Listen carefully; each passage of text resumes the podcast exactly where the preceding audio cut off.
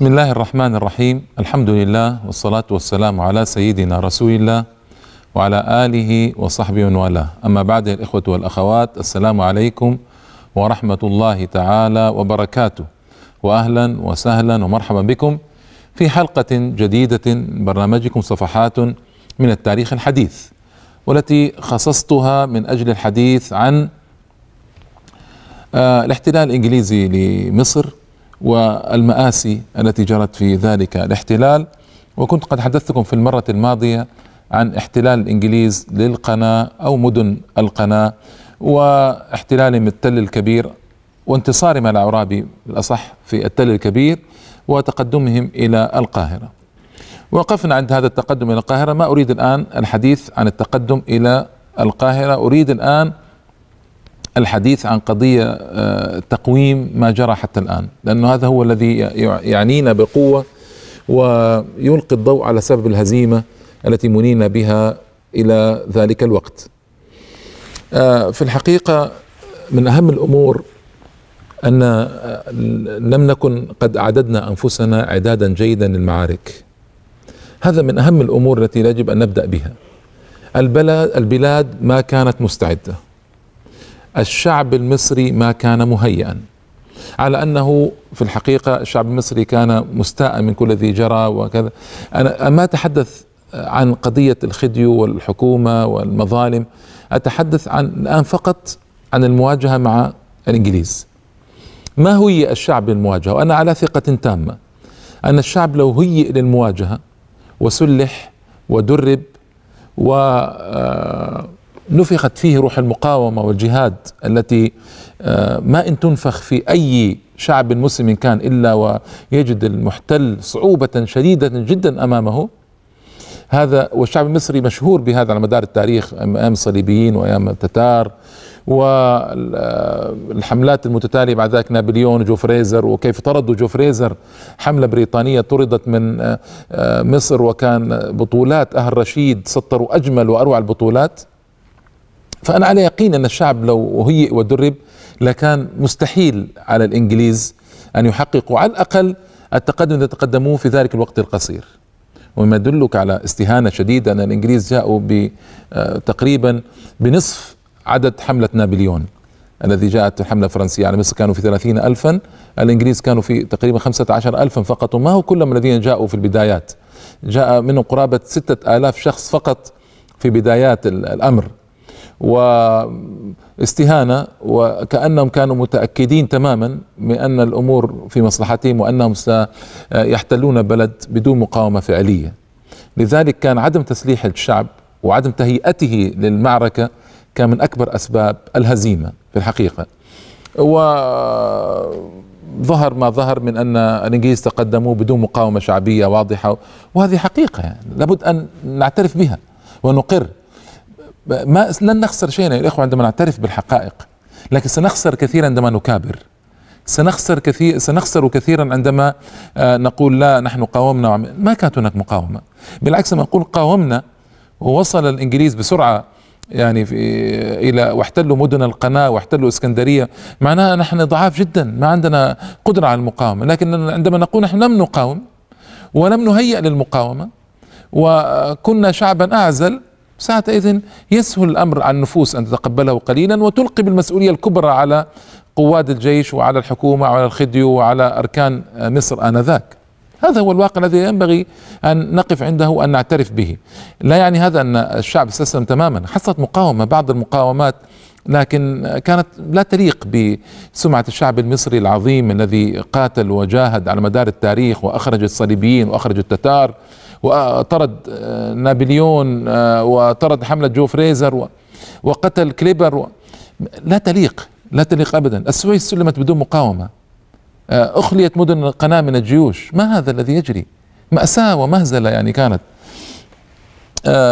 أيضا القوات العرابيين والجيش المصري خسر أهم أركان حربه في أوقات صعبة جدا. راشد حسني البطل الكبير خسرته خسره الجيش المصري وأبلى بلاء حسنا جدا. علي فهمي أيضا أصيب وخرج. محمود فهمي أسر في واقعة يثير حولها عرابي الشكوك إلى آخره. المهم آه، يعني هذه جملة من أمور لابد أن نذكرها في بدايات الأمر. الأمر الثاني الذي ظللنا نعاني منه طويلا وما أدري متى سينتهي وهو قضية الخيانة. وقضية العملاء. أما العملاء فكان هناك عملاء واضحون لإنجلترا في غزوها عملاء كبار أمثال خديو وعمر لطفي باشا محافظ إسكندرية هذه عملاء كبار. وهناك عملاء صغار وخيانات جرت من البدو الذين دلوا الجيش الإنجليزي على معسكر التل الكبير والذين ضللوا البارودي عندما أراد أن يذهب إلى قصاصين. فالبدو والبدو على مدار التاريخ الأعراب يعني الله سبحانه وتعالى قال الاعراب أشد, أشد كفرا ونفاقا واجدروا ألا يعلم حدود ما أنزل الله على رسوله.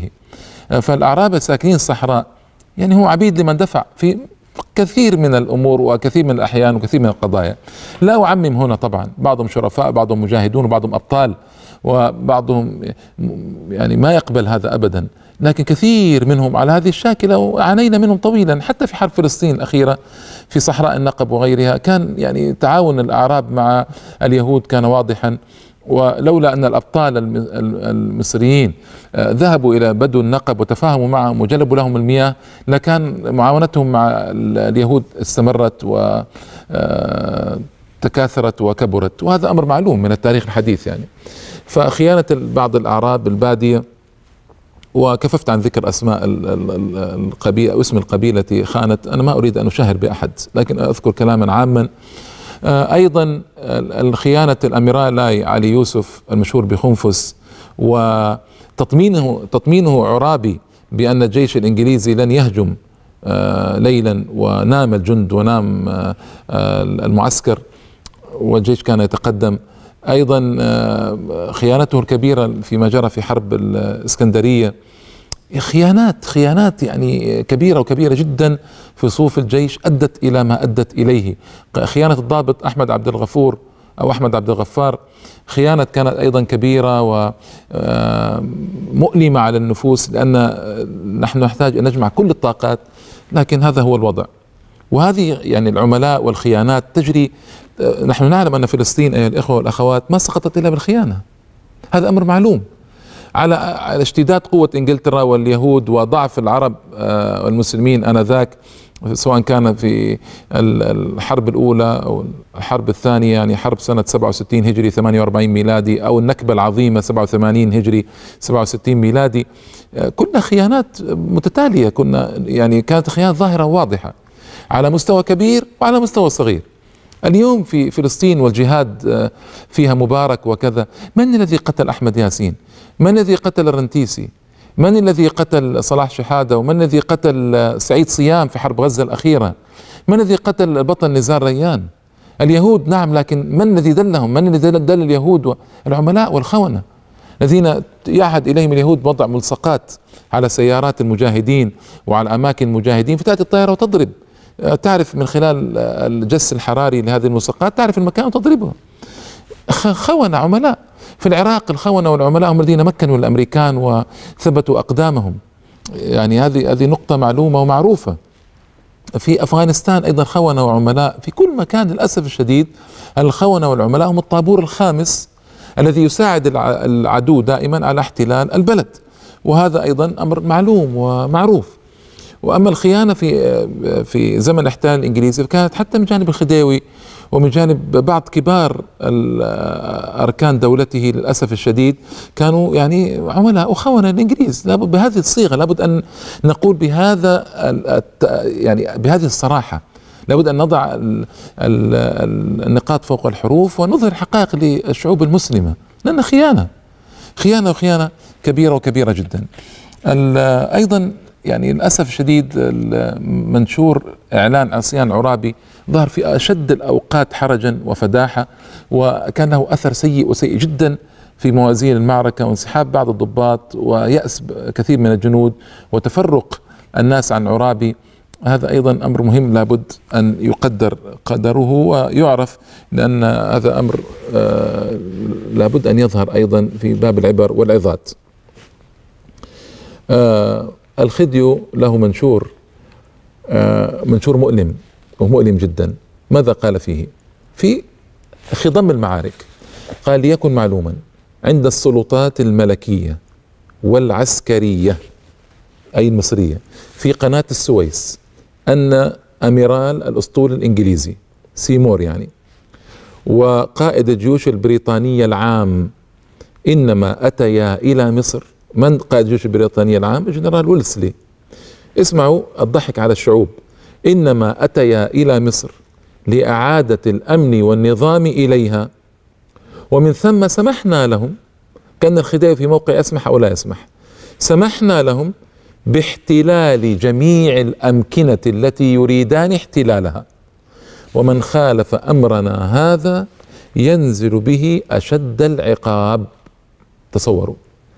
هل هنالك رئيس دولة عاقل آه، مخلص وطني اترك قضية إسلامية قلنا لكم يعني كانت مضمحلة كثيرا في كل أو أعظم آه، مغلى آه، يعني أغلب تلك القيادات في الحقيقة. هل هناك رئيس دولة يحترم نفسه؟ يقول سمحنا لهما باحتلال جميع الأمكنة التي يريدان احتلالها. ثم يقول ومن خالف أمرنا هذا ينزل بأشد العقاب. يعني من جاهد المحتل من جاهد الإنجليز ولم تسمح له نفسه بأن يستسلم للإنجليز. ينزل به أشد العقاب بعد ذلك. انظر يعني المصريين المساكين وقعوا بين فكي كماشة. الإنجليز والخديو إن عصوا الخديو وقاتلوا الإنجليز نزل بهم العقاب. وإن تركوا الإنجليز يدخلون احتلت بلادهم ونزلت بهم الهزيمة. يعني موقف موقف صعب وصعب جدا. وليؤصل هذه المواقف الخيانية ضعف الإيمان في النفوس واستهانة بمستقبل البلاد وعدم الاكتراث للشعب وأنه سيأتي عليه احتلال واحتلال طويل دام 72 سنة يعني ما هو يوم أو يومين أو شهر أو شهرين أو سنة أو سنتين. ف وسآتي إن شاء الله تعالى بعد الفاصل الإخوة والأخوات على بقية من الأسباب التي أدت إلى آه، تلك الهزائم المتكررة آه، فابقوا معنا.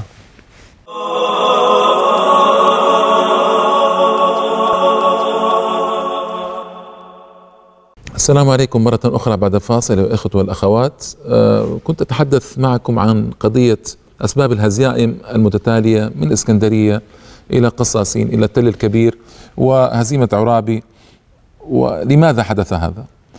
ف يعني ذكرت بعض الأمور وبعض القضايا. من أهم الأخطاء أيضا التي حدثت وكان لها أثر كبير تردد عرابي أو عدم إرادته ردم القناة. القناة فتحت أيام الخديو إسماعيل وسمح بها الخديو سعيد. وسبحان الله تجلت نظرة محمد علي باشا الثاقبة إزاء القناة. فالفرنسيون كانوا قد خاطبوه وكانوا يريدون منه أن يشق القناة.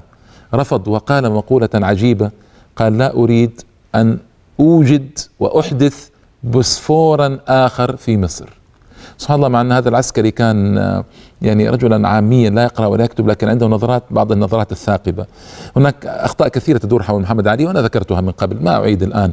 لكن آه، أحمد منه هذا الموقف وأعجب لجندي أمي يكون عنده هذه النظرة الواسعة البعيدة إلى الأمام.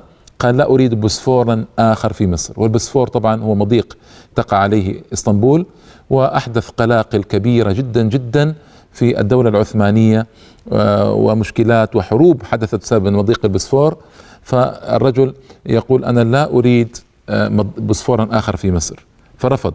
وعرض على عباس حفيد محمد علي جاء بعد إبراهيم باشا الحاكم الثالث لمصر كان عباس. رفض عباس وبقوة. لما عرض على سعيد يعني سعيد كان مرتميا في أحضان الأوروبيين والفرنسيين بالذات فوافق. ثم أكمل إسماعيل آه، المهزلة والمأساة. وافتتحت قناة السويس. منذ أن افتتحت كانت وبالا وشرا على مصر وأنا ذكرت في تفاصيل الحلقات السابقة وقناة السويس آه، القضايا الخطيرة التي تورطت فيها مصر بسبب فتح القناة وأنها كانت بؤسا تاما على مصر آه، لمدة منذ أن فتحت إلى أن خرج الإنجليز قرابة 90 سنة كانت بؤسا كاملا فعلا آه، على مصر والمصريين ولم ينالوا منها خيرا. بسبب المكائد والاعيب والاتفاقات الخطيرة التي حدثت وسحبت الثروة ثروة القناة من مصر بصورة أو بأخرى. أشار محمود فهمي على أعرابي أن يردم القناة ولو صنع لما استطاع الجيش الهندي الواصل من الهند أن يلتقي بالجيش القادم من الإسكندرية بسهولة على الأقل ما استطاع بهذه السهولة. لما استطاع الجيش الإنجليزي أن يتحرك في منطقة القناة ويدخل الإسماعيلية بسرعة ويحتلها ويتقدم آه، ولما استطاع أن يصل إلى القاهرة بالسهولة الشديدة التي وصل إليها وسآتي عن الحديث عن موضوع القاهرة ما تكلمت به بعد آه، كان له طريقان لا ثالث لهما.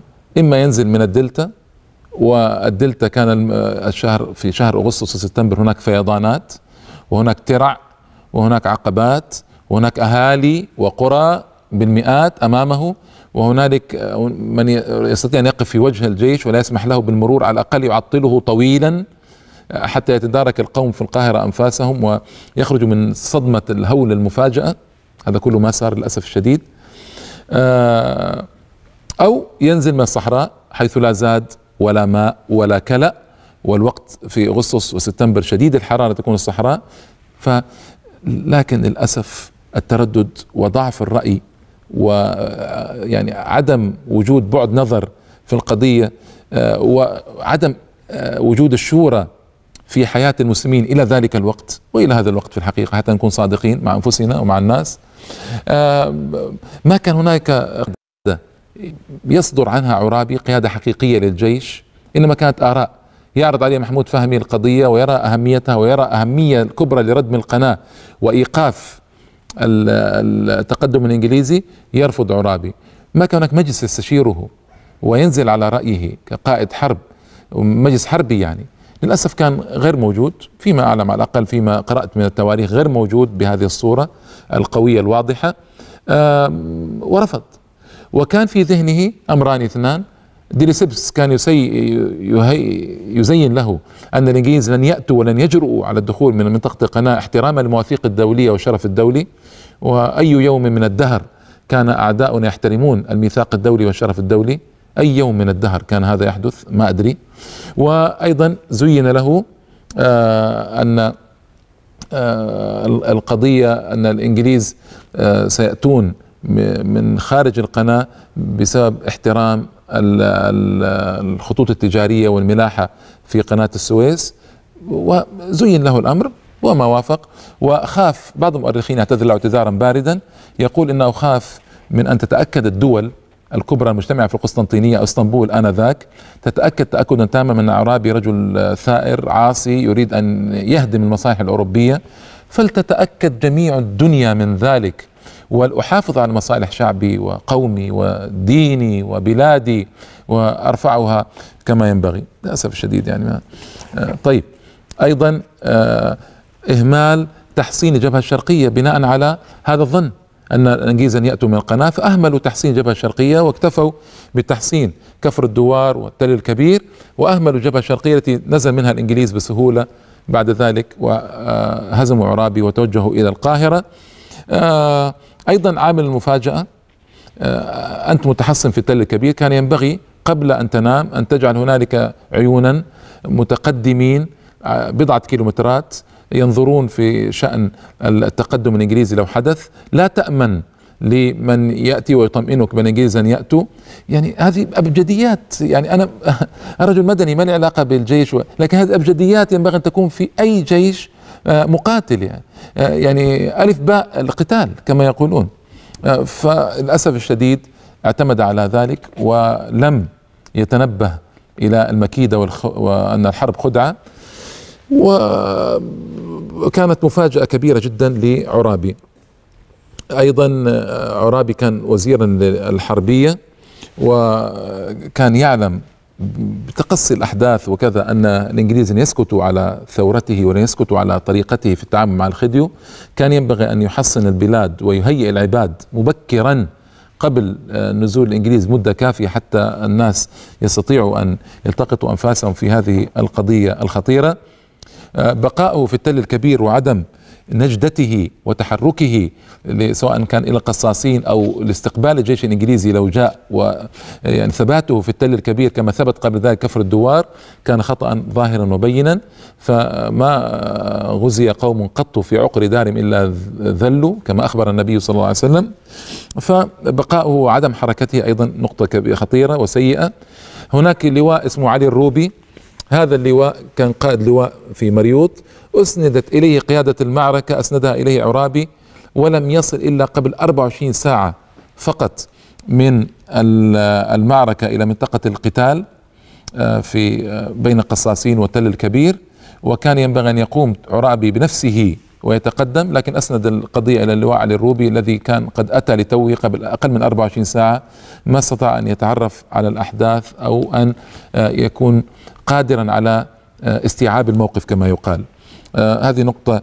أيضا كان مطعون في مقدرته الحربية بصورة أو بأخرى علي آه الروبي اللواء علي الروبي. على شجاعته وإخلاصه ما كان من الخونه ولا من العملاء ولا كان من ضعاف النفوس لكن مقدرته الحربية كان كانت ضعيفة آه نوعا ما. آه العجيب أن حامية دمياط ودمياط قريبة نوعا ما آه حامية دمياط ما تحركت وكان فيها خيرة الجنود المدربين الأقوياء آه المعتادين على القتال ما تحركت حامية دمياط لتدخل المعركة.